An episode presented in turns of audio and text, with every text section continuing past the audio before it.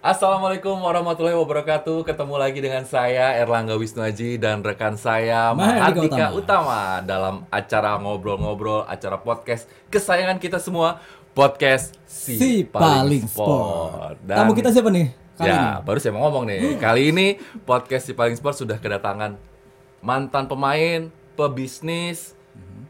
politisi juga. Tapi karena acaranya podcast Si Paling Sport kita ngomonginnya soal sport aja dulu ya, banyakan ya. Ini dia Si Smash 100 watt. Mas Haryanto Hai Arbi. Arbi, selamat datang Mas di podcast, Podcast kami Si Paling Paling Sport. Sport. Ini walaupun Masnya sekarang sedang menuju kontestasi politik yang sudah tinggal menghitung hari, tapi karena Si Paling Sport jadi kita ngomongin olahraga aja Mas ya. Siap. Gimana? Selain sibuk kampanye, masih banyak badminton Mas? Wah, udah jarang sekali.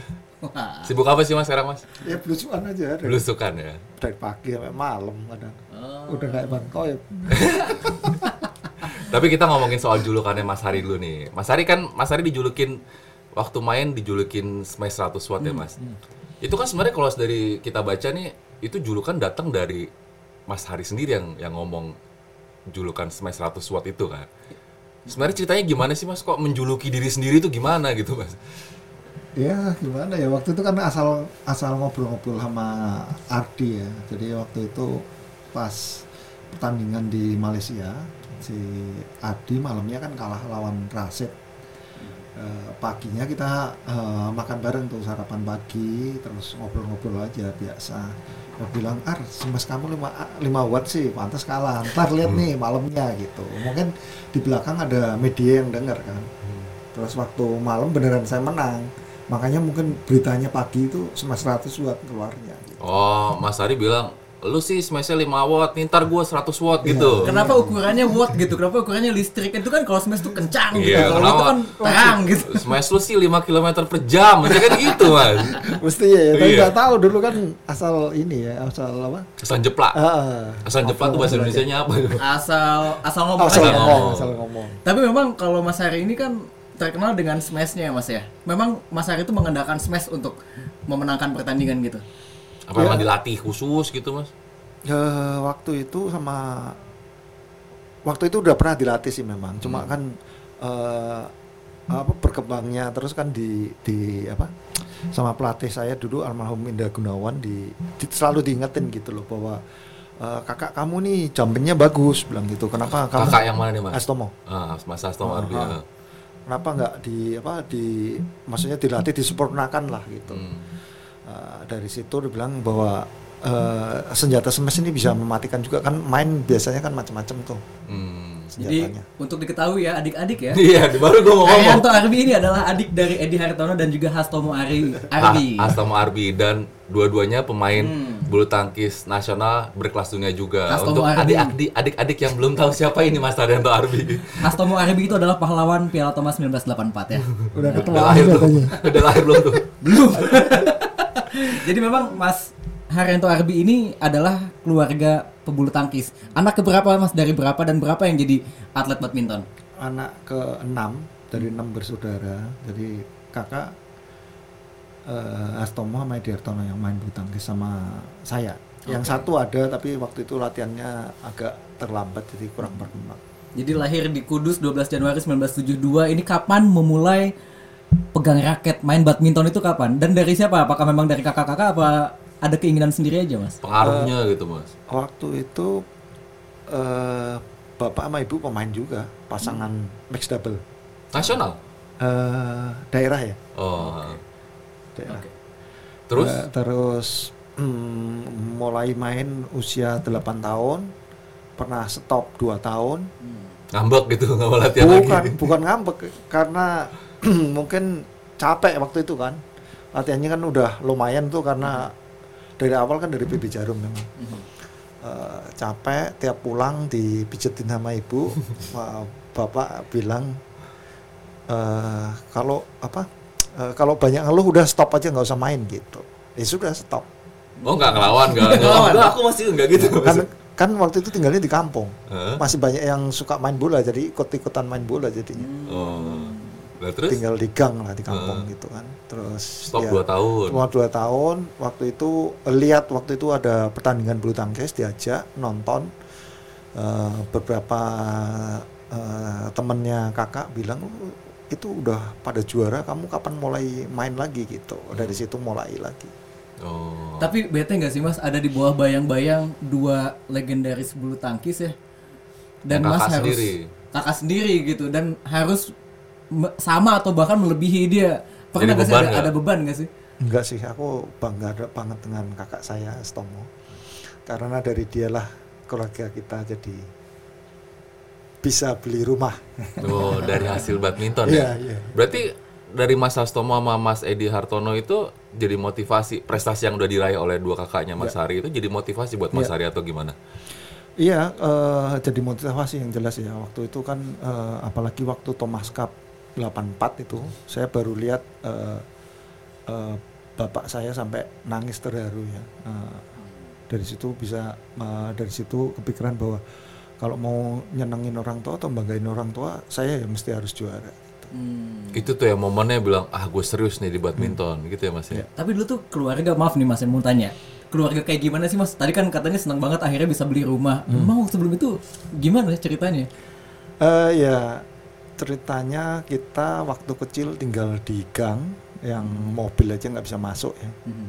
Uh, kendaraan motor aja bisa. Rumah ngontrak uh, kalau hujan juga kebocoran kita mesti nyediain ember. Banyak tuh embernya. Uh, kamar mandi di luar nip masih nimba sendiri kalau mau mandi. Terus ag- adalah maksudnya uh, agak lumayan lah ya kalau nim em, uh, dulu kan mesti nimba pakai Ah, uh, iya, sumur itu. ada Ah, sumur. sumur uh, uh, di luar rumah gitu Jadi artinya sederhana lah ya keluarga ya. Oh, nggak sederhana lagi udah Lebih cenderung masih- sulit ya Mas. Iya ya? lebih cenderung sulit. Nah ka- kakak sampai kalau dulu kalau di PB Jarum zaman dulu itu sudah ada jatah makan. Jadi kalau latihan dapat jatah makan.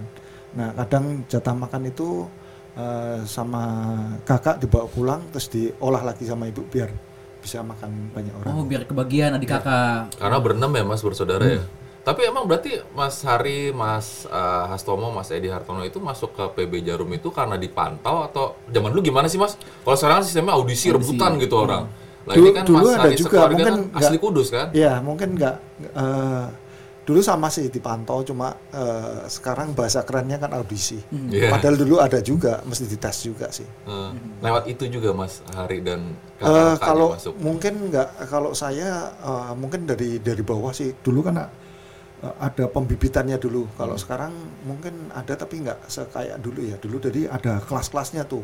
Kelas E itu pembibitan. Kalau udah bagus baru bisa masuk kelas D kelas D ke kelas C gitu Oh, di PB grup- Jarum ya? iya iya Oh. ada grupnya sendiri gitu mungkin kalau sekarang kan membedakan usia aja kalau dulu kelas-kelas gitu zamannya saya Itu bayar dulu Mas? enggak enggak pernah bayar Oh. Mungkin karena kita dari Kudus, jadi ada ada sendiri di kelas E itu yang saya maksud. Itu eh, orang-orang biasanya banyak kan orang Kudus semua. Oh putra daerah diutamakan ya ya, waktu itu ya. bukan bukan juga diutamakan sih, memang mungkin eh, ba- baru baru baru apa? Baru Baru muncul. orang-orang Kudus aja lah yang di kelas E itu gitu. Oh, khusus Kayak- khusus Yang paling bawah lah istilahnya ya. level paling pertama. Iya iya iya, kayak gitu. Tapi saya tertarik tadi Mas Hari kan cerita eh, pelatihnya Mas Hari bilang smashnya kakak kamu nih si Mas Hastomo bagus. Kamu latih itu juga gitu kan. Gitu kan intinya Mas. Ya bu- Tapi bukan smashnya sih, jumpingnya. jumpingnya. Ha-ha. Loncatnya berarti. loncatnya ya, Nah, loncat. kalau misalnya kita ngomongin eh, pemain generasi sebelumnya Mas Hari kan ada juga Lim Swiking tuh Mas. Hmm. Yang Om Lim eh, yang terkenal dengan jumping smashnya. Itu jadi apa ya? Jadi referensi juga nggak buat Mas Hari? Iya pasti itu karena kan eh, dulu di PB Jarum kan eh, salah satu pertandingan yang paling diidam-idamkan atlet karena pelatih apa apa kan seringnya kan ngomong wah eh, kayak mesti kayak Lim Suking nih Jorok England nah, itu gitu loh. Jadi ya pasti referensi dari sana juga. Saya dulu kalau kecil juga seringnya eh, maksudnya udah masuk di asrama itu kalau di asrama kan disediain juga eh, video, TV apa gitu. Jadi kita nontonnya ya Lim Suking terus. Oh. Nah namanya oh, Mas Hari ini mulai meroket setelah juara 1986 di level junior ya atau dua tahun setelah abangnya juara Piala Thomas. Itu gimana tuh ceritanya Mas? Eh, junior ya. Iya. waktu itu di Nasional tuh ya. ah, nasional kejuaraan dunia junior ya. Hmm. Aku malah lupa. Saking banyaknya juara. pernah pernah juara dunia junior memang.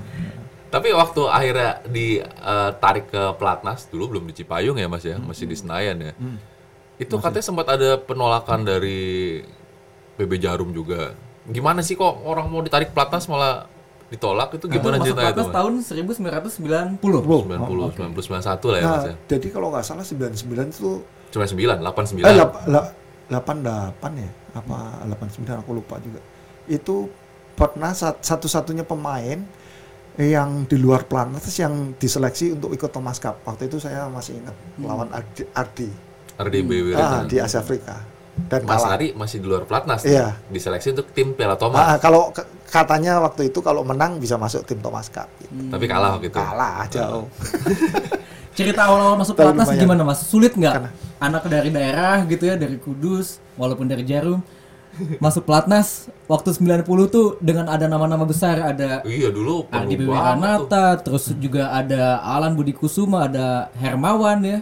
Ada siapa lagi banyak ya waktu itu nama-nama yang Joko sudah udah jadi. gitu. Joko. ada. Joko Suprianto. Sebagai anak baru waktu itu gimana nih masuk Platnas?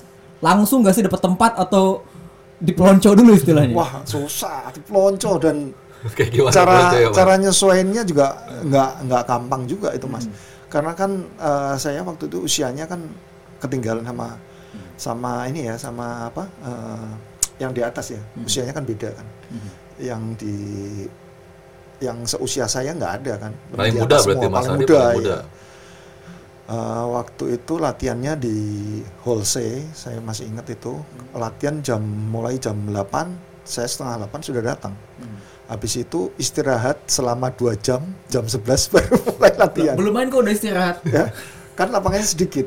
Yang diprioritaskan kan pemain-pemain utama. Oh, jadi Anak bawah. anak bawah mainnya belakangan. Iya, mainnya belakangan. Jadi datang duluan, eh, ya udah nganggur 2 jam dulu, baru mulai latihan. Latihan itu nggak latihannya seperti yang kalau kita di Jarum eh, mungkin kan sudah pernah juara dunia jadi prioritas ya di sana kan enggak jadi dua jam itu ya kadang cuma eh, apa istilahnya kalau sekarang ya nyeparingin aja Oh, jadi jadi sparring partnernya siapa waktu itu paling sering, Mas? Eh, semua lah jadi tukang ngemesnya doang kadang gitu di Nah, itu kan udah pada mati. capek yang yang utama udah latihan dari jam 8. Iya, kan kita ini Kak, eh, satu lawan dua, saya Hmm. bagian di depan doang, kadang di bagian belakang, bagian nyemes aja gitu aja. Itu berapa tahun Mas kayak gitu Mas diperlakukan Apa titik itu? baliknya sampai pelatih Dipercaya. bilang, wah ini udah bisa nih masuk ke tier lebih atas lagi gitu. Eh, ya itu eh, penyesuaian memang nggak gampang sih ya. Jadi waktu eh, setelah masuk platnas, di ikut pertandingan di luar negeri juga babak pertama kalah terus. Padahal di waktu di Jarum prestasinya bagus. masuk platnas malah babak pertama kalah gitu kan.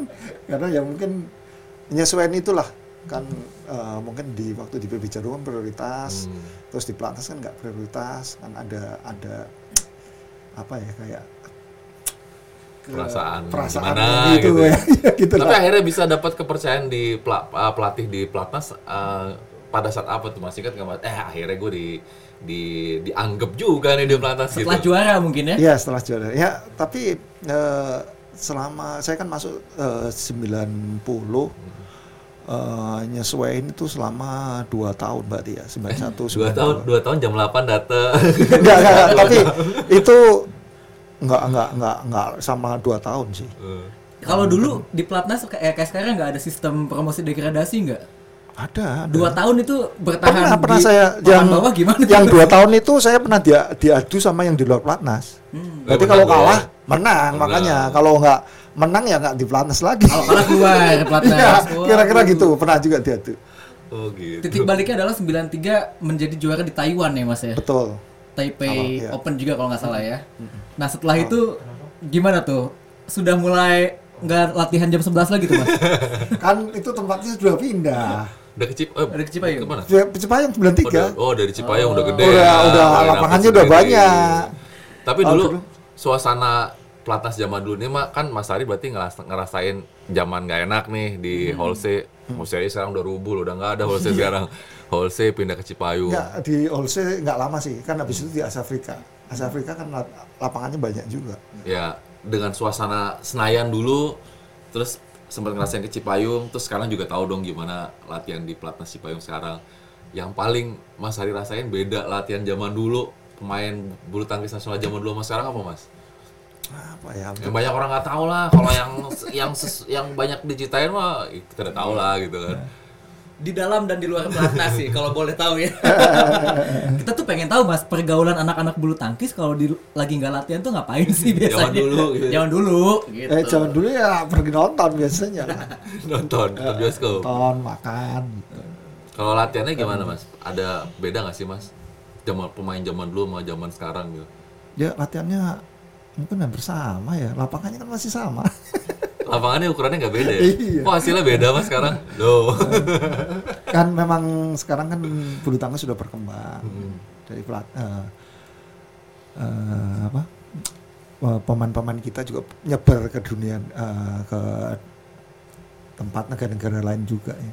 Tapi balik lagi nih Mas soal setelah juara 93 itu di pelatnas gimana nih waktu itu kan 92 Indonesia udah mulai juara olimpiade ya. Susi Alan juara. Terus eh, prestasi-prestasi juga banyak. Tapi kalah di Thomas 92 dan 94-nya nih Mas hari ini jadi salah satu pahlawan Indonesia untuk memenangkan Piala Thomas 94 ya. Mengalahkan Malaysia yang 92 ngacak-ngacak kita tuh Mas. Gimana tuh ceritanya?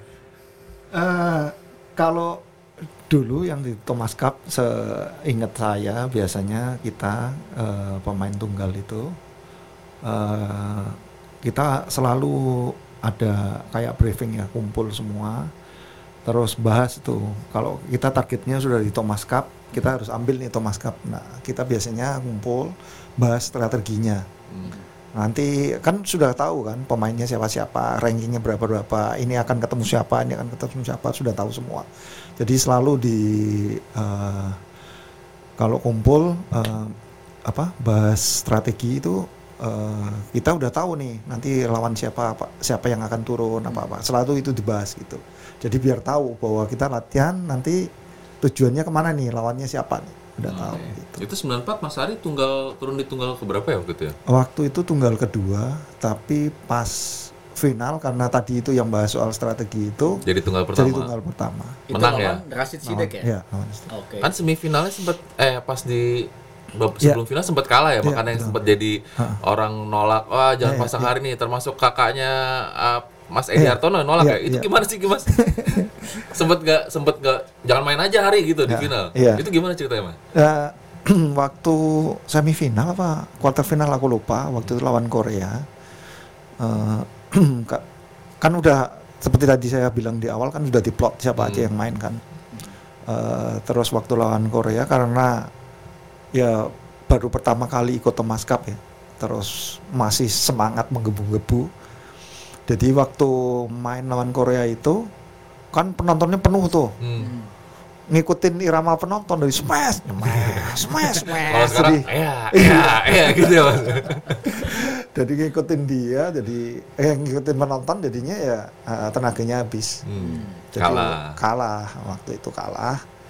Eh, terus final lawan Malaysia kan kalau ses- eh, sesuai prediksi kan harus saya turun gitu loh. Hmm. Tapi biasanya kalau di tim kalau pemainnya kita kuat semua, biasanya kalau yang kalah biasanya nggak nggak nggak akan dipasang. Hmm. Kalau timnya kuat ya, kecuali nggak ada pilihan.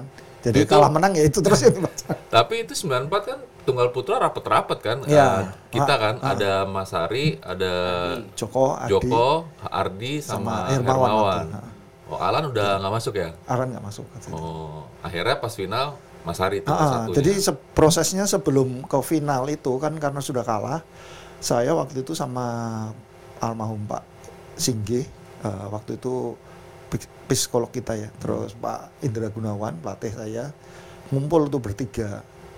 Nah, waktu itu ditunjukin eh, video waktu main itu waktu kalah kan, Hmm, yang ditunjukin. lawan Korea itu. Ah, ah. nah di situ dibahas lagi tuh eh, kalahnya kenapa? Akhirnya karena tahu karena ya itu karena apa eh, ngikutin irama penonton jadi eh, strateginya nggak masuk, ngikutin apa nyemes ikut nyemes, jadi tenaganya bola belakang kan nyemes terus. Biasanya kan kalau bola belakang kan ada ada chop dulu, ada lob dulu, ini kan nggak langsung nyemes terus gitu. Darah muda lah ya. Iya itu masih mau menunjukkan bahwa apalagi mainnya di Indonesia kan di Istora kan pengennya juga memberikan yang terbaik lah buat Indonesia kan. Hmm. Jadi eh, strategi itu lupa semua.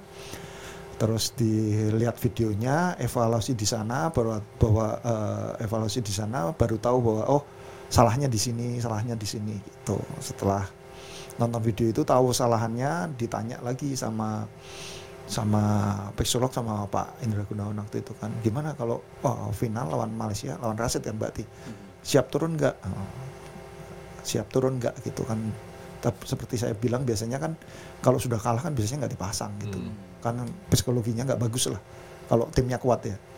Terus eh, saya lihat videonya itu tahu ke tahu kesalahannya saya bilang ya kalau di diminta main buat final ya saya siap gitu. Apalagi kan bangga lah ya eh, main di Indonesia kan. Walaupun ada penolakan Iya, dari kakak sendiri tuh ya. iya Tapi sebelumnya sudah pernah melawan Rashid Sidek tuh. Head to headnya gimana tuh? eh, sering banyak menang makanya kan Oh, waktu ada pede ya. strategi jauh-jauh hari kan sudah disiapkan kalau lawan Rasid ini saya harus naik gitu Eh tapi gue tertarik sih Mas Edi Hartono kakaknya Mas Ari minta bahwa ini jangan dipasang nih adek gue nih. Itu ngomong langsung atau gimana tuh Mas waktu itu? waktu itu ngomong lang Ngomong eh, langsung ke Mas Ari. enggak ada pelatih juga Eh. ngomongnya ke pelatih Oh ke forum. Heeh. Berarti Mas Ari denger. Dengar dengar lah Kesel gimana sih lu kakak gue lu? Iya, iya. Bantuin. Nah, kita kan diam aja lah. Karena mungkin gini ya, kalau eh, mungkin ini kan Mas Edi ngomongnya gimana waktu itu Mas? aku udah lupa, tapi eh, pada intinya bilang udah eh, adik jangan a- adik saya jangan suruh main lah. Saya tahu mentalnya kayak gimana. Dia bilang gitu. Eh. Wah, Kalau kalau apa eh, mikir positifnya, saya rasa karena eh, kakak saya sayang sama saya gitu loh. Hmm. Jangan sampai mental saya benar-benar jatuh setelah Thomas Cup ini gitu kan. Kalau kalah dibully abis Iya. gitu ya. Terus kan nentuin banget, Iya. benar-benar nentuin gitu loh. Dia takutnya ya itu nanti kalau setelah ini takutnya kayak gimana kan? Hmm. Eh, karena ini 92 sudah kalah, ya kan? Udah 10 tahun itu 94 kan udah kalah 10 tahun. Eh, main di Istora di kandang sendiri dan Iya. semua mengharapkan Thomas Cup bisa direbut. ya. Nah, Berarti Dan- itu Mas Edi Hartono sebenarnya sayang sama juga. iya, iya. Jadi bukan mengebuli sebenarnya. Tapi kemenangan di Thomas Cup 94 itu diulang di 96 ya Mas ya. Ya, Ketika main di Cina kalau nggak salah ya. bukan main di Hong Kong. Oh di Hong Kong. 94, 96, 98, 2000 ya Mas? Iya. Dari empat itu mana ya Mas yang paling berkesan? Mas? Ya 94 lah 94 karena lah ya. Karena pertama. Debutan. Bukan, karena ya itu yang 10 tadi tahun aku cerita, tekanan, tekanan dan bebannya itu berat banget. Hmm.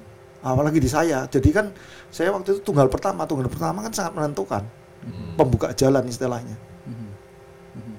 Itu bebannya waduh berat sekali. Saya mm, masih ingat waktu menang itu rasanya kayak jalan kayak terbang benar-benar.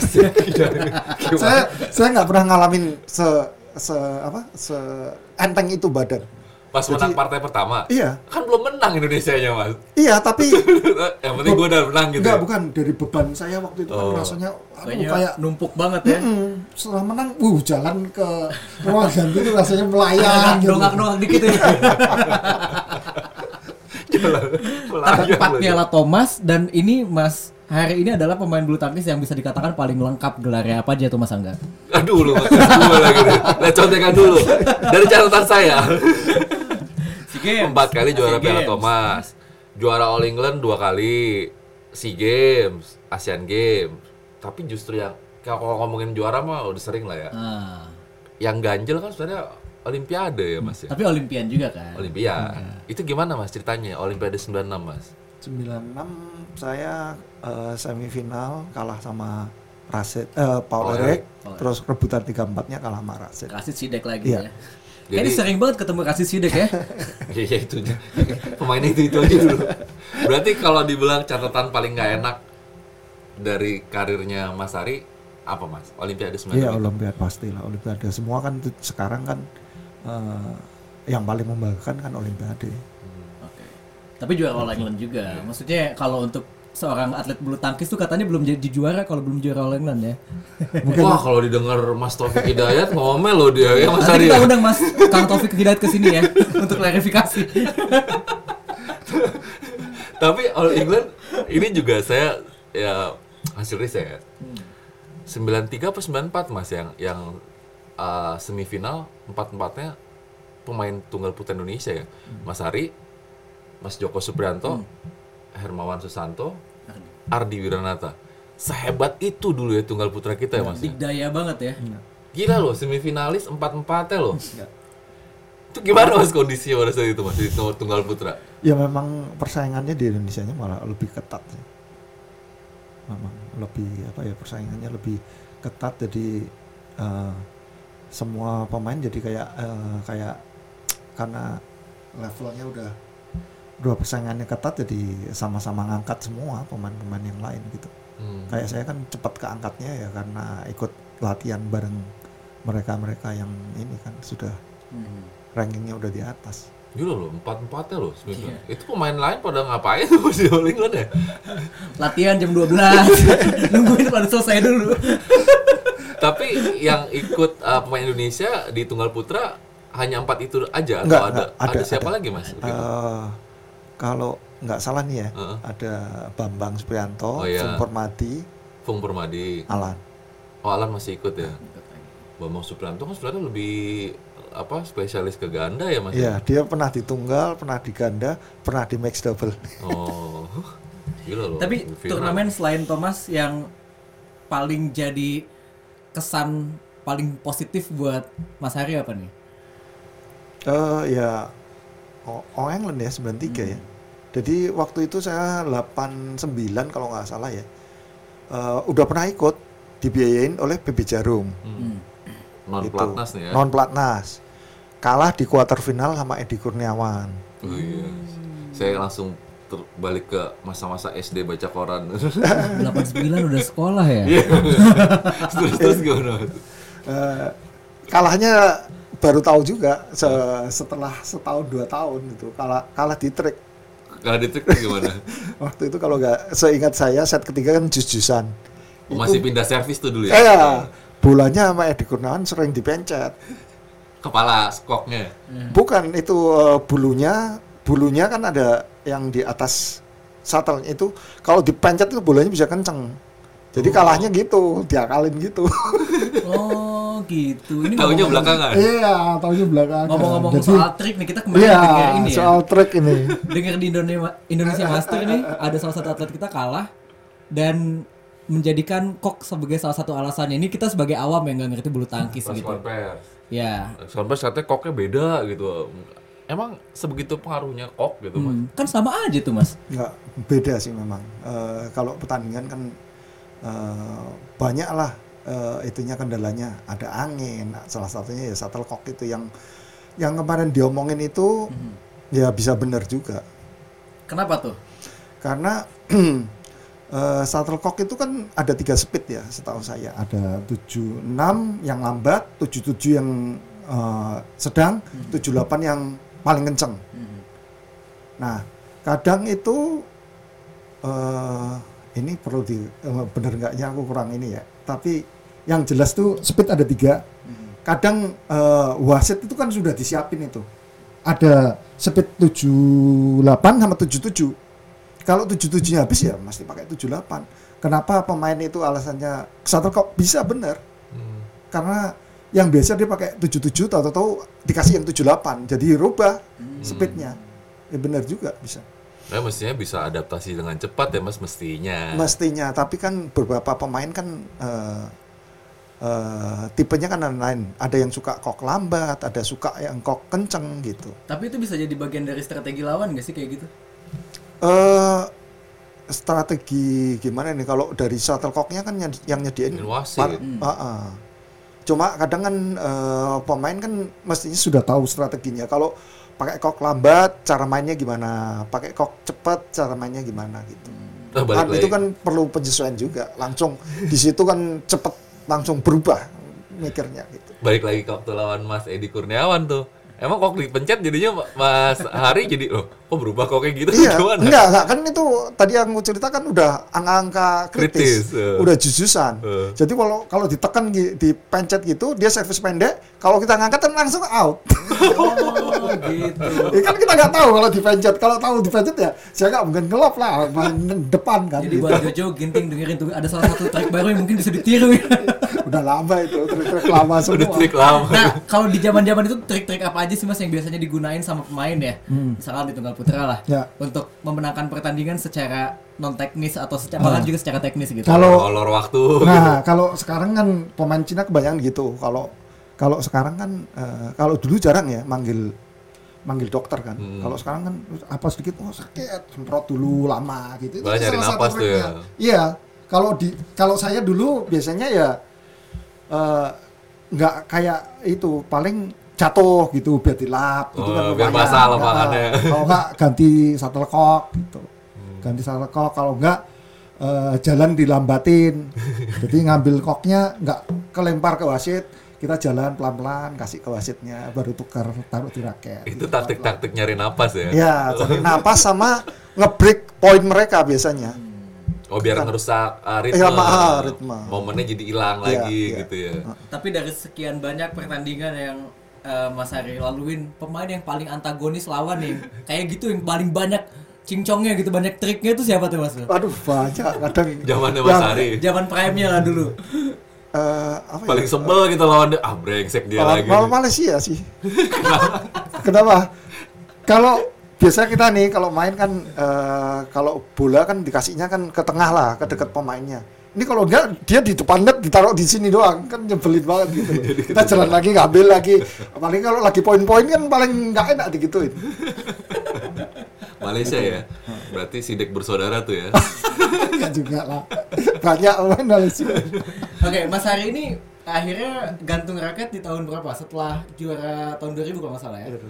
Oke. Apa yang memutuskan usia atau mungkin ada pertimbangan lain? Eh sempat ke Sydney dulu sih enggak ya Mas ya? Apa? Olimpiade 96 doang ya Mas ya? Ya sebenarnya dong. Oh, jadi Olimpiade 2000 nggak ya? Enggak, enggak masuk. Akhirnya memutuskan untuk udah Capek aku. Iya. capek udah, udah juara England Mas Taufik belum. ini sebenarnya kita pancingan biar Taufik Hidayat mau datang ke sini apa Bukan tuh saya ngomong loh ya. Kalau Mas Taufik yang bahas, tapi kan gue juara Olimpiade. Har. oke jadi apa alasannya memutuskan untuk gantung raket waktu itu Eh, apa ya waktu itu karena ngerasa udah nggak bisa ini ya nggak bisa naik lagi ya. Eh, waktu itu pinggang udah pernah retak latihan nggak bisa maksimal Buset pinggang retak. Terus ya ya gitu karena nggak nggak nggak bisa maksimal dan juga eh, waktu itu udah mulai kalah-kalahan juga Hmm. di era itu udah mulai rising star sudah mulai banyak ya Iya. Siapa ya itu ya? 2000 ya? Siapa Mas? 2000? Layar-layar di bawah Mas Hari. Taufik lah ya katanya. Taufik ya? Ah, halo Mas Taufik. ditunggu loh nah setelah memutuskan berhenti itu apa nih yang dilakukan oleh seorang Harento Arbi kan kalau kebanyakan orang itu Jadi atlet pelatih, jadi ya. pelatih gitu Ini kepikiran Mas. bingung apa? Bingung. Apa yang dilakukan? Bingung. Bingung. Gimana masa bingung? Juara dunia, karena- juara All England karena eh mungkin nggak se kayak sekarang pemain kan banyak sosial media bisa ngerti lah. Kalau saya dulu kan beratnya cuma taunya kan latihan doang. Setelah keluar bingung bener-bener. Mau ngap- mau ngerjain apa bingung. Selama dua tahun itu Lula ya, lulu. iya Lula lulu bahasa Indonesia-nya apa ya? tanah kumuh gitu ya apa juga tuh bahasa Indonesia bingung terus ya itu dua, 2002 mulai eh, ngembangin bisnis ini fly power Hmm. Fly power itu adalah apa Mas Ari? Mungkin banyak adik-adik di sini yang juga harus sedikit dikasih pencerahan karena walaupun apa ya badminton fans di Indonesia ini kan banyak tapi mungkin ada yang nggak tahu.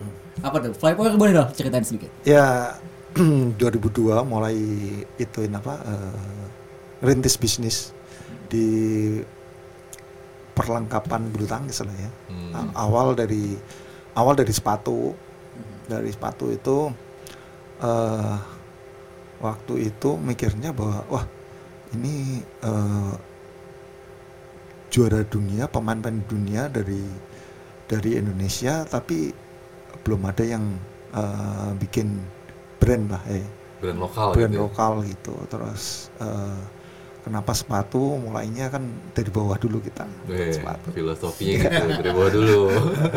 nah dan dulu kan eh, nggak ada yang ngeklaim bahwa ini sepatu bulu tangkis gitu Oh Adanya- enggak dulu. Belum. Dulu kan adanya ya sepatu bulu tangkis bisa buat volley, bisa buat indoor shoes lah namanya. Oh. Kalau sekarang kan eh kalau dulu kita kan udah langsung eh, ini loh sepatu bulu tangkis gitu.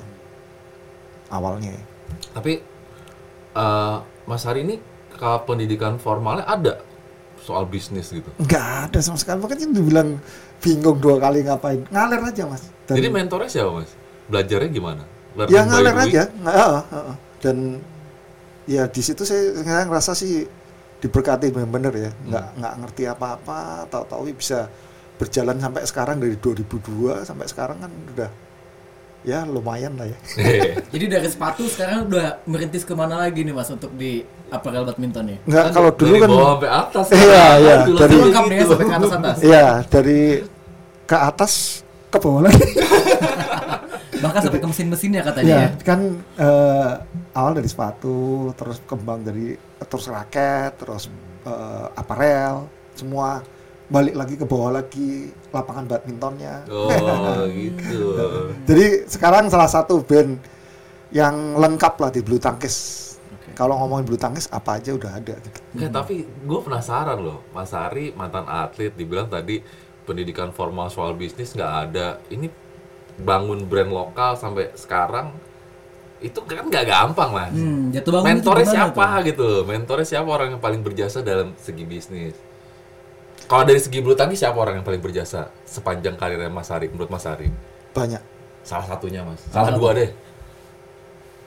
PB Jarum sama orang tua. PB Jarum orang tua. Kalau dalam segi bulu tangkis. Oke, nah. Oh, dari segi bisnis. Eh, dari bisnis dari segi bisnis ya Tuhan yang di atas. Tuhan ya. Iya. Semua atas bantuan Tuhan. Iya, karena eh, saya ngerasa ya gitu, dua tahun nggak nggak nggak nggak nggak ngerti mau apa, tahu-tahu dikasih kesempatan eh, ngalir aja belajar dari situ, jatuh bangun, pernah eh, jutaan yang nggak dibayar juga pernah kita alamin. Nah, Tapi kan ya. terus kita tetap terus maju lah, kita nggak mikir ke ke belakang, terus eh, nggak semua kan awalnya kita juga dari pelatih lah ya, jadi yang kenalin ini lewat pelatih pelatih Hmm. berkembang di, di eh, berkembang dari sana juga, makanya dari eh, saya ngerasa bahwa eh, apa ya ngomongnya kalau eh, teruslah berbuat baik karena kita tidak tahu kebaikan mana yang akan kembali ke kita. Oh itu kuat bagus itu. Itu nanti kita akan potong jadi, Potong jadi. potongan klip ya. di teaser. Nih tapi tadi udah mengalami jatuh bangun sampai baru-baru ini kita mendengar berita yang cukup eh, Membanggakan ya? membanggakan ya. Brand Indonesia mengontrak dua pemain Tiga. tiga, Tiga satu tunggal pemain. putri dan juga satu ganda putri dari Denmark ya dan pemain elit itu adalah Mia Bilf Blichfeld dan juga eh, pasangan Frugard. ganda putrinya itu Sarah dan juga Megan ya urutan 18 dunia. Sarah Tigesen sama siapa Frugard gitu ya. Megan Frugard. Nah itulah sama pemain Rusia. itu keren loh mas maksudnya dari tadi mas cerita coba-coba segala macem. Sekarang bisa mengontrak pemain dunia lah walaupun mungkin tirnya tier 2 ya mas ya tir belum top level banget gitu. Itu pertimbangannya apa dan Iya. gimana cerita di baliknya tuh mas? Ya sebelumnya kan kita memang ada beberapa pemain tapi mungkin nggak eh, nggak se- terkenal Mia sama ini ya secara ya prestasinya. Eh, dari kenapa dari Denmark eh, Denmark kita kan jajakin juga eh, salah satu negara yang kuat di bulu tangkis kan Denmark. Eh, pas ada kesempatan ya kita eh, coba juga masuk ke sana gitu. Sebelumnya kan memang eh, di Perancis kita ada pemain, terus di Jerman juga ada gitu. Tapi ini yang Denmark nih levelnya yang sudah bersaing Ya. menuju race to Olympic juga mereka kan ya, mas ya. betul. Wah kalau udah punya nama gitu angkanya gede dong ya mas. lumayan. Lumayan. Gue demen nih kalau ada Mas Hari bilang lumayan.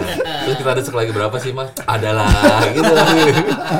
Soalnya dari yang saya dengar uh, kontrak si pemain Denmark ini adalah uh, kontrak terbesar sepanjang uh, sejarah berdirinya Fly Power gitu ya Mas? Ya, tapi di gan- ganda putri. Di ganda tunggal putri. ya. Oh berarti di tunggal putra ada yang lebih gede lagi. Salah lagi. Wah, salah ngomong berarti tuh emang ya Mas Hari nggak mau cerita Mas nilainya berapa nggak mau ya? Tapi gini deh, kalau salah masalah ya. nilai kontrak ini kan memang jarang buka-bukaan ya. Tapi kalau kisarannya di Indonesia aja sih mas, untuk atlet top level itu biasanya untuk dapat kontrak aparel itu angkanya tuh di kisaran berapa sampai berapa? Iya, soalnya Waduh, kan nggak tahu, nggak tahu. Enggak, maksudnya maksudnya Dika gini, gue gue bantuin dulu nih. Maksudnya gini, kalau kan Mas ah, hari ini brand lokal nih ya. Sementara kalau di badminton kan ada brand-brand dunia raksasa dunia yang udah pemain lama gitu. Ada ya tau lah, ada yang lambangnya Y, ada yang lambangnya begini gitu, ada yang lambangnya V gitu kan.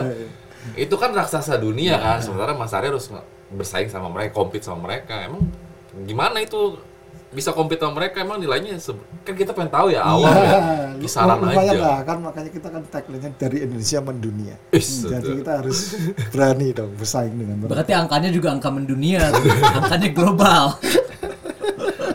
Tapi sejauh ini penjualannya cukup bagus ya mas, Ya, karena berani kontrak apa pemain-pemain luar gitu ya. Pemain lokal juga ada kan mas? Siapa Ada, sih mas ada. pemain lokal? Pemain lokal kalau yang di Pelantas si Alfi sama Stepan. Hmm. Itu buka jaringan Di sampai Pelantas ke, ya? Mm-mm. Yang di Pelantas ya. buka jaringan bisnis sampai ke internasional gitu, itu gimana tuh mas? Lewat lewat apa nih? Lewat sesama mantan atlet atau mungkin lewat pelatih pelatih Indonesia yang sekarang banyak melatih di luar negeri? Dua-duanya. Nah, emang sebanyak itu pelatih Indonesia di luar negeri ya mas? Banyak banyak. Mungkin ada 30 sampai 40 orang lah ya. Cuma kadang kan ada yang nggak di tim nasional, ada yang di klub. Di Cina aja yang kuat gitu aja ada pelatih kita di sana. Di klub ya. Lewat mereka tuh mas ya, mas berusaha mengembangkan jaringan ya. Ya. Ya, kenal-kenal kalau ini kan. Emang Mas Ari nggak pernah ditawarin jadi pelatih mas? Dengan apa kurikulum vitae Iya. sebagai pemain yang weh mentereng gitu kan? Prestasi. Dulu ada sih dari Mal- di Korea. Tahun berapa tuh Cuma, mas? aduh tahunnya lupa. Mungkin 8 Sesudah merintis bisnis tuh. Iya, udah sudah lah pasti. Makanya aku enggak lah. Aku konsentrasi ke bisnis dulu gitu. Berarti enakan bisnis apa jadi pelatih? Atau jangan Bisnis lagi-lagi angkanya mungkin gedean bisnis. Eh, plus minus ya. Kalau eh, plusnya nggak mikirin ini untung rugi apa nggak nggak mikirin rugi. Kalau bisnis kan pasti mikirin rugi juga Iya kan. betul. Itu kan udah pasti cuma ya pasti eh, tinggal bawa keluarga apa enggak kan gitu. Tapi ada keinginan nggak suatu hari nanti Balik ingin balik lagi ke lapangan, ngelatih anak-anak atau mungkin bahkan mencetak juara lagi? Eh, maunya sih gitu, tapi sambil lihat aja. Lihat Karena- apa lagi sih mas? karena- Kan duit ada, tinggal Iya, bangun. kan nggak nggak segampang itu. Pasti eh biayanya juga gede sih pasti kalau kita tanganin sendiri ya. Hmm, Oke. Pasti ini kalau ada sponsor juga boleh juga nih. Tuh dengerin seorang smash 100 watt lagi cari. Tapi memang biayanya itu gede ya untuk membangun klub badminton lah katakan gitu. Untuk Nah, mencetak Yang satu proper pemain. gitu untuk Ya. mencetak satu pemain yang bagus jadi juara itu gede investasinya banget, itu gede banget Gede ya. banget. Itu investasinya udah pasti eh, rugi punya. Oh, Iya lah ya. Iya. Itu harus orang yang Orang-orang ya, gila makanya saya kutip ya mas ya. saya salut sama eh, beberapa pengusaha atau beberapa eh, mantan pemain yang terus berkarir di bulu tangkis karena ya gitu tadi yang bilang pasti banyak kos ruginya dibanding untungnya sih. Karena dari mungkin dari 100 pemain yang dibina jadi satu aja udah alhamdulillah tuh ya mas ya. Udah bagus banget ya. Oke. Dan mungkin itu juga yang jadi alasan kenapa banyak pemain Indonesia atau mantan pemain Indonesia yang keluar ya. Ya ya kalau eh, buat kesejahteraan sih ya di luar kan lebih menjanjikan. Menjanjikan. Menjanjikan. Berarti angkanya jauh lebih gede daripada ngelatih di negeri sendiri begitu. Tapi Mas Ari nggak tergoda karena lebih enak bisnis. Tapi mungkin orang lihat sekarang ka- orang kan ngelihat cerita sukses gitu ya. Arianto Arbi bikin brand lokal. dengan bisa kontrak main. Lo orang lihat denger enaknya doang mah enak ya, tapi mungkin nggak tahu jatuh bangunnya kan mas ya. Iya banyak tuh mas. Yang paling pahit apa mas dari bisnis tuh? Waktu awal-awal sih eh, yang saya masih ingat itu waktu itu kita kan buka eh, buka apa buka pameran atau stand kan masih handle sendiri. Hmm. Saya masih datang sendiri. Nah salah satu eh, brandnya kan sebelah sebelahan tuh. Brandnya bilang wah kita sudah bisa jual segini-gini. Sampai kepikiran nggak bisa tidur masa dia bisa jual segitu ya Sementara Mas Ari iya masih jauh. Iya masih jauh. Jauh banget. Aduh. tapi kan dia salah. Eh, itunya apa menjatuhin mental kok mental pemain dunia. Asik, gue dong. Itu sambil nggak bisa tidur sambil mikir "Hmm, eh, berarti kita masih bisa ini untuk ngejar itu gitu jadi dia mau jatuhin malah kebalik malah jadi ini kan jadi memacu memacu saya sama teman-teman bahwa Malah dia kena smash 100 watt. Jadi motivasi tambahan ya. Iya. Tapi Kalau bisa, bisa menjual situ kita harus bisa nih gitu. Hmm. Tapi sambil nggak bisa tidur sih. kalau soal rugi mah udah udah bolak-balik ya Mas ya. Pasti. Rugi materi segala macam itu udah hal biasa dalam bisnis ya. Tapi kalau kompetitor industri bulu tangkis di Indonesia yang saat ini tuh kompetitif nggak sih mas atau pemainnya itu itu aja?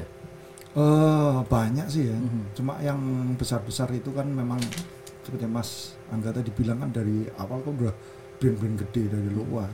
Huruf Y, huruf V, begini ya Iya. Mas ya.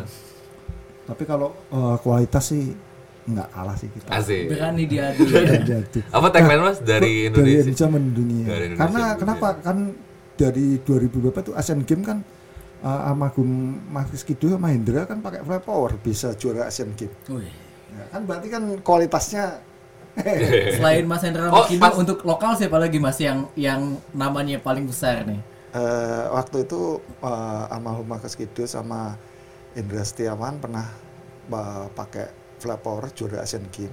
Nintia juga sama Oh, pakai ganda putri Asian ya. Games juga di kalau Indra sama Kido kan di di China. Mm, Kalau Nintia waktu di Korea Asian Games. Iya. iya. Dua-duanya bisa juara pakai brand fly power kan berarti kualitasnya Yes. Tapi kalau ngomongin juara nih Indonesia ini kan punya banyak memori indah tentang juara. Tapi kalau kita lihat beberapa tahun terakhir nih kita kayak agak sedih ya sebagai negara badminton gitu. Tapi prestasinya mungkin uh, Mas Hari juga lebih tahu lah ya. Itu kira-kira kenapa nih kalau dari analisis seorang Haryanto Arbi nih? Dia pasti Mas Hari bilang, aduh pertanyaan ini lagi. Ya. Indonesia Jangan Master mah terakhir. Kemarin Indonesia Master baru beres nih. Nah, satu gelar juara ya. Iya. Dari ya karena ganda. persaingannya memang ketat sekarang ya apalagi kan di eh, mau deket-deket olimpiade sebelumnya juga eh, bulu tangkis kalau sudah dipertandingkan di olimpiade kan berarti negara-negara lain kan terus pengen maju kan pengen berkembang di bulu tangkis juga Nah, persaingannya memang ketat Emang dulu nggak ketat mas? Hah? Dulu lebih ketat. iya ketat kan banyak kita sekarang negara lain kayak Spanyol ada Marin kan gitu-gitu Oh jadi Terus artinya di- salah satu faktor Ci- itu di adalah Jepang juga kan waktu eh, zaman saya kan Nggak dianggap gitu. nggak kurang lah ya.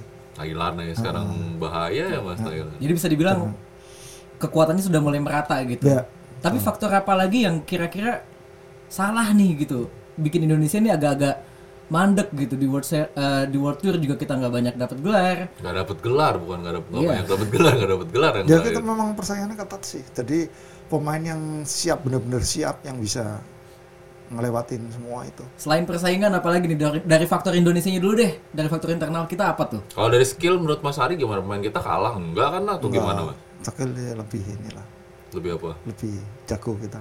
Masa tuh? Iya, Berarti apa yang kalah nih? trik-triknya. Apa ya enggak lah. Kita mungkin jadi satu-satunya negara yang nggak pernah pakai pelatih asing ya mas di badminton. Pernah ada. Pernah ya? Pernah.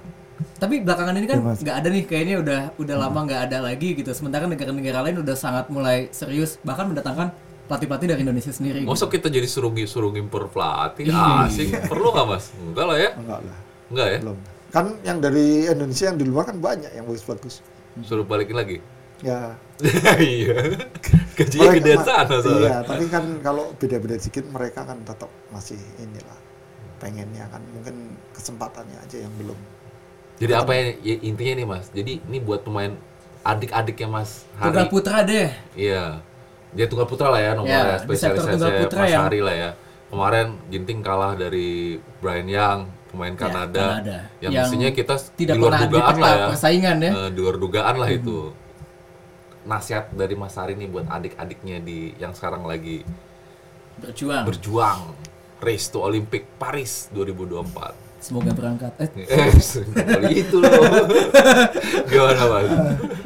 Ini kalau saya sih ya pengalaman saya kalau eh, ngerasa bahwa eh, kita masih kalah ya latihannya mesti lebih ini lebih lagi Hmm. karena kita dua kalau saya nih pengalaman saya ya kalau eh, lagi kalah ya latihan dua kali kurang berarti mesti latihan tiga kali latihan tiga kali kan nggak mesti ke lapangan bisa melajarin video eh, bi- evaluasinya bisa lihat permainan kita eh, latihan ringan latihan apalah gitu Kalau dari tata kelola federasi sendiri gimana, Mas? Ayo lo, Mas. Ayo lo. Waduh, itu yang Ayo susah. lo, gimana Mas? Jadi nanti kalau Mas Hari lolos ke Senayan ini harus sudah dipersiapkan jawaban-jawaban untuk ngelesnya, Mas. Gimana Mas? Bisa ngeles ya. Dari tubuh PBSI-nya sendiri gimana menurut Mas Hari kondisinya? Nah, sekarang rame nih Mas. Ya, tau lah kita kalau ngikutin badminton lah. Menurut Mas Hari gimana? Apa sih yang perlu dibenahi? Kata dari pemain lu latihan lebih lah. Sekarang kalau dari segi federasinya, lu apa gitu. Kan sekarang lagi ini lagi eh, eh, mantan pemain baru dilibatkan kan? Ya. Udah benar itu, tuh ya. itu salah satunya iya Sudah benar tuh ya. sudah benar Sudah benar. Mas Hari ini memang cocok jadi diplomat ya. Diplomatis sekali dari tadi jawabannya. Jadi kita tanya, kita serempet dikit lah ya. Walaupun kita namanya podcast si paling sport, tapi kita harus tanya nih. Mas Hari kan mau ternyata nyalek juga nih Nyalek. dari salah satu partai lah. Ini bahkan percobaan kedua ya, Mas ya? Percobaan kedua. Apa sih Mas yang bikin tertarik ke politik Mas? Sebenarnya kalau dilihat-lihat kan politik sama olahraga jauh banget gitu, Pak. Olahraga sportif, harus sportif. Hmm, politik Latihan tidak mengkhianati hasil. Nah. ya bener ya? kita sama dong Apa? kan banyak ini kita mesti sportif juga dong kan eh, tetap jiwa sportifnya mesti dibawa Tapi karena kan di politik gini, tidak ada, kalau- Mas. enggak, di politik enggak, kan gini, gini. tidak. Saya dulu ngomong. Eh, lu ngomelin juara All England lo. ya, yang penting jangan dibatin mic ya Nah, itu Nggak. Kalau di politik kan nggak ada kawan abadi, Ya. nggak ada lawan abadi. Yang hanya ada persaingan. Kepentingan, kepentingan abadi. Politik itu, Mas. kalau saya ada belusukan ke bawah kan ngomongnya kan gitu setelah kepilih merasa ditinggalkan gitu makanya aku bilang kita sebagai jiwa eh, sportif juga eh, kita kalau sudah belusukan di bawah di bawah itu dukung kita ya kita mesti kembali lagi karena mereka yang di bawah merasa mereka juga nggak ngerasa juga sih bahwa mereka kalau sudah dia kasih amplop Hmm, biasanya orang itu nggak akan kembali lagi ke sana karena ngerasa dia sudah di- udah udah bayar kok hmm. Nah, kalau saya nggak ngasih amplop, saya didukung, saya mesti harus kembali ke mereka juga dong. Gitu. Mungkin kalau Mas Hari jangan ngasih amplop, Mas ngasih raket. Lebih mahal dong. Jadi Tapi itu ya, Mas. ya? kenapa sih kenapa seorang juara badminton di banyak turnamen level dunia legenda hitungannya mau terjun ke dunia yang sangat beresiko mas politik itu resikonya tinggi loh Iya, mungkin udah lebih tinggi enak. dari politik eh dari bisnis ya Iya, udah enak loh. Mas Ari kan namanya udah harum di bulu tangkis. bisnis jalan Bisnis jalan. Ya. Pakai ke politik lagi. Banyak loh mas politisi yang akhirnya masuk ke KPK uh Iya, udah aku takutin. Enggak, soalnya kalau masalah janji-janji yang sekarang lagi di atas juga dulunya juga janji-janji, Mas. Ya makanya tapi kan lain kita. Asik. Sportif, sportif. Seperti ya apa tapi apa nih yang akhirnya memotivasi seorang Haryanto Arbi untuk terjun terjun ke politik dan ingin jadi eh, bagian dari bagian dari uh? Dewan Perwakilan Rakyat ya. ya eh, kalau dibilang bahwa olahraga salah satunya yang mempersatukan kita semua, tapi sampai sekarang kan eh, kesejahteraan beberapa eh, kayak di negara lain kan belum. Memang di era Pak Jokowi sudah bagus, soal bonus sudah bagus, tapi kesejahteraan setelah pensiun kan belum ada. Sedangkan kita di negara lain, contohnya salah satunya di Korea. Nah, artis K-pop yang terkenal apa pun mereka harus wajib militer. Sedangkan olahragawan yang bisa menyumbangkan medali Olimpiade atau Asian Games itu bebas wajib militer. Segitu diistimewakan Iya, ya atlet ya. Nah, karena dampaknya akan luas sekali kalau sampai eh, itu bisa digolkan gitu. Jadi dana pensiun atlet ini akan menjadi salah satu yang diperjuangkan sama Iya. Haryanto Arbi ya. Betul. Oke. Tapi kalau boleh saya ya jadi panjang nih. Tapi Mas, untuk bisa mencetak seorang atlet butuh lapangan. Kita kurang akses lapangan yang bisa di Ya kan goalnya nanti kan ke sana juga pasti. ya, Gitu. kita doakan aja Mas. Iya, Semoga amin. sukses apa pun itu ya Yep. dan tetap amanah. Betul. Siap. Jadi kalau menang dengan cara yang terhormat, kalah juga tetap mengakui kemenangan Iya yang dong. Siap kalah siap menang kita. Ah, Tapi ini kan udah kali kedua nih Mas. Nah, Kalau kalah lagi siap kali ketiga. karena ada yang sudah tiga kali coba. Eh? Aduh, saya jadi Gimana Mas? belum tahu sih, tapi eh, yang kemarin kenapa eh, karena saya ngerasa bahwa partainya udah disebut nggak sih? Oh, salah udah tahu saya. semua. Oh. Udah tahu. ya? Belakangnya I, depannya P, tengahnya. Eh, menurut saya ini kan eh, bagus ya. Eh, jadi benar-benar anak muda semua, pintar semua. Kalau nggak dapat kesen- kesempatan di Senayan tuh sayang menurut saya. Karena kemarin juga eh, saya waktu yang pertama kan di Kudus, yang kedua itu nggak mestinya itu nggak juga nggak apa-apa gitu loh. Hmm. Tapi karena yang ngerasa bahwa eh, buat dongkrak suara partai, jadi ya oke lah. Tapi saya maunya di Jakarta karena ngerasa ya ini mesti dapat kesempatan baru tahu eh, kerjanya teman-teman yang di DPR kan sudah terbukti di DPRD Hmm. Eh, kita bisa nemuin lem iPhone kita bisa eh, menolak kenaikan gaji. Di masa covid kan kemarin gaji mau dinolak mau ditolak. Sedangkan kita partai satu-satunya yang menolak itu eh, dan akhirnya kan nggak naik. Nggak gaji kan nggak naik gitu. jadi mesti dikasih kesempatan ke Senayan untuk membuktikan. Eh mas, jadi caleg tuh modalnya gede nggak Eh, sih? itu gue baru ya, pertanyaannya kita ubah gini deh. Mas, modal nyalek sama kontraknya pemain Denmark gedean mana? Ah, susah tuh jawabnya kan tinggal gedean, gedean ini apa gedean ini, Mas? gedean mana, Mas? Nah, makanya kenapa saya selalu busukan ya itu Tuh kan muter-muter kan. Ditanya apa, jawabnya apa. Udah terlatih berarti. Udah terlatih. biar kosnya nggak gede kalau kosnya gede kan takutnya nanti kalau hitung-hitungan dagangan gitu Nah, masuk berapa keluar berapa dong Hmm. Nggak mungkin ada yang mau rugi keluar berapa tapi nggak kembali kan nggak mungkin makanya kosnya gitu kan kecil Hmm. biar kalau menang ya nggak korupsi gitu aja eh, Itu mudah-mudahan ya, jangan sampai kayak gitu mas kalau menang. Karena cuman dari olahraga kita bisa mengibarkan bendera merah putih dan juga Indonesia Raya di negeri orang ya. Kalau lewat mungkin politik nanti akhirnya bisa membuat olahraga bisa lebih baik, kenapa tidak ya? kita doakan. Amin. Cukup Oke, ya? sepertinya sudah Sudah hampir satu jam? sudah hampir satu jam kita berbincang dengan seorang juara dunia yang saat ini sedang juga berjuang untuk menuju ke Senayan, bukan ke Holce ya. Bukan saya, kalau saya udah nggak ada. Holce udah gak ada. Terima kasih banyak Mas Haryanto Arbi sang Smash 100 Watt untuk waktunya datang ke podcast di Paling Sport. Sukses untuk semuanya, Mas. Oke, terima kasih banyak Mas Ari. Karena tadi gue yang buka, Dik, sekarang gue yang nutup. Oke.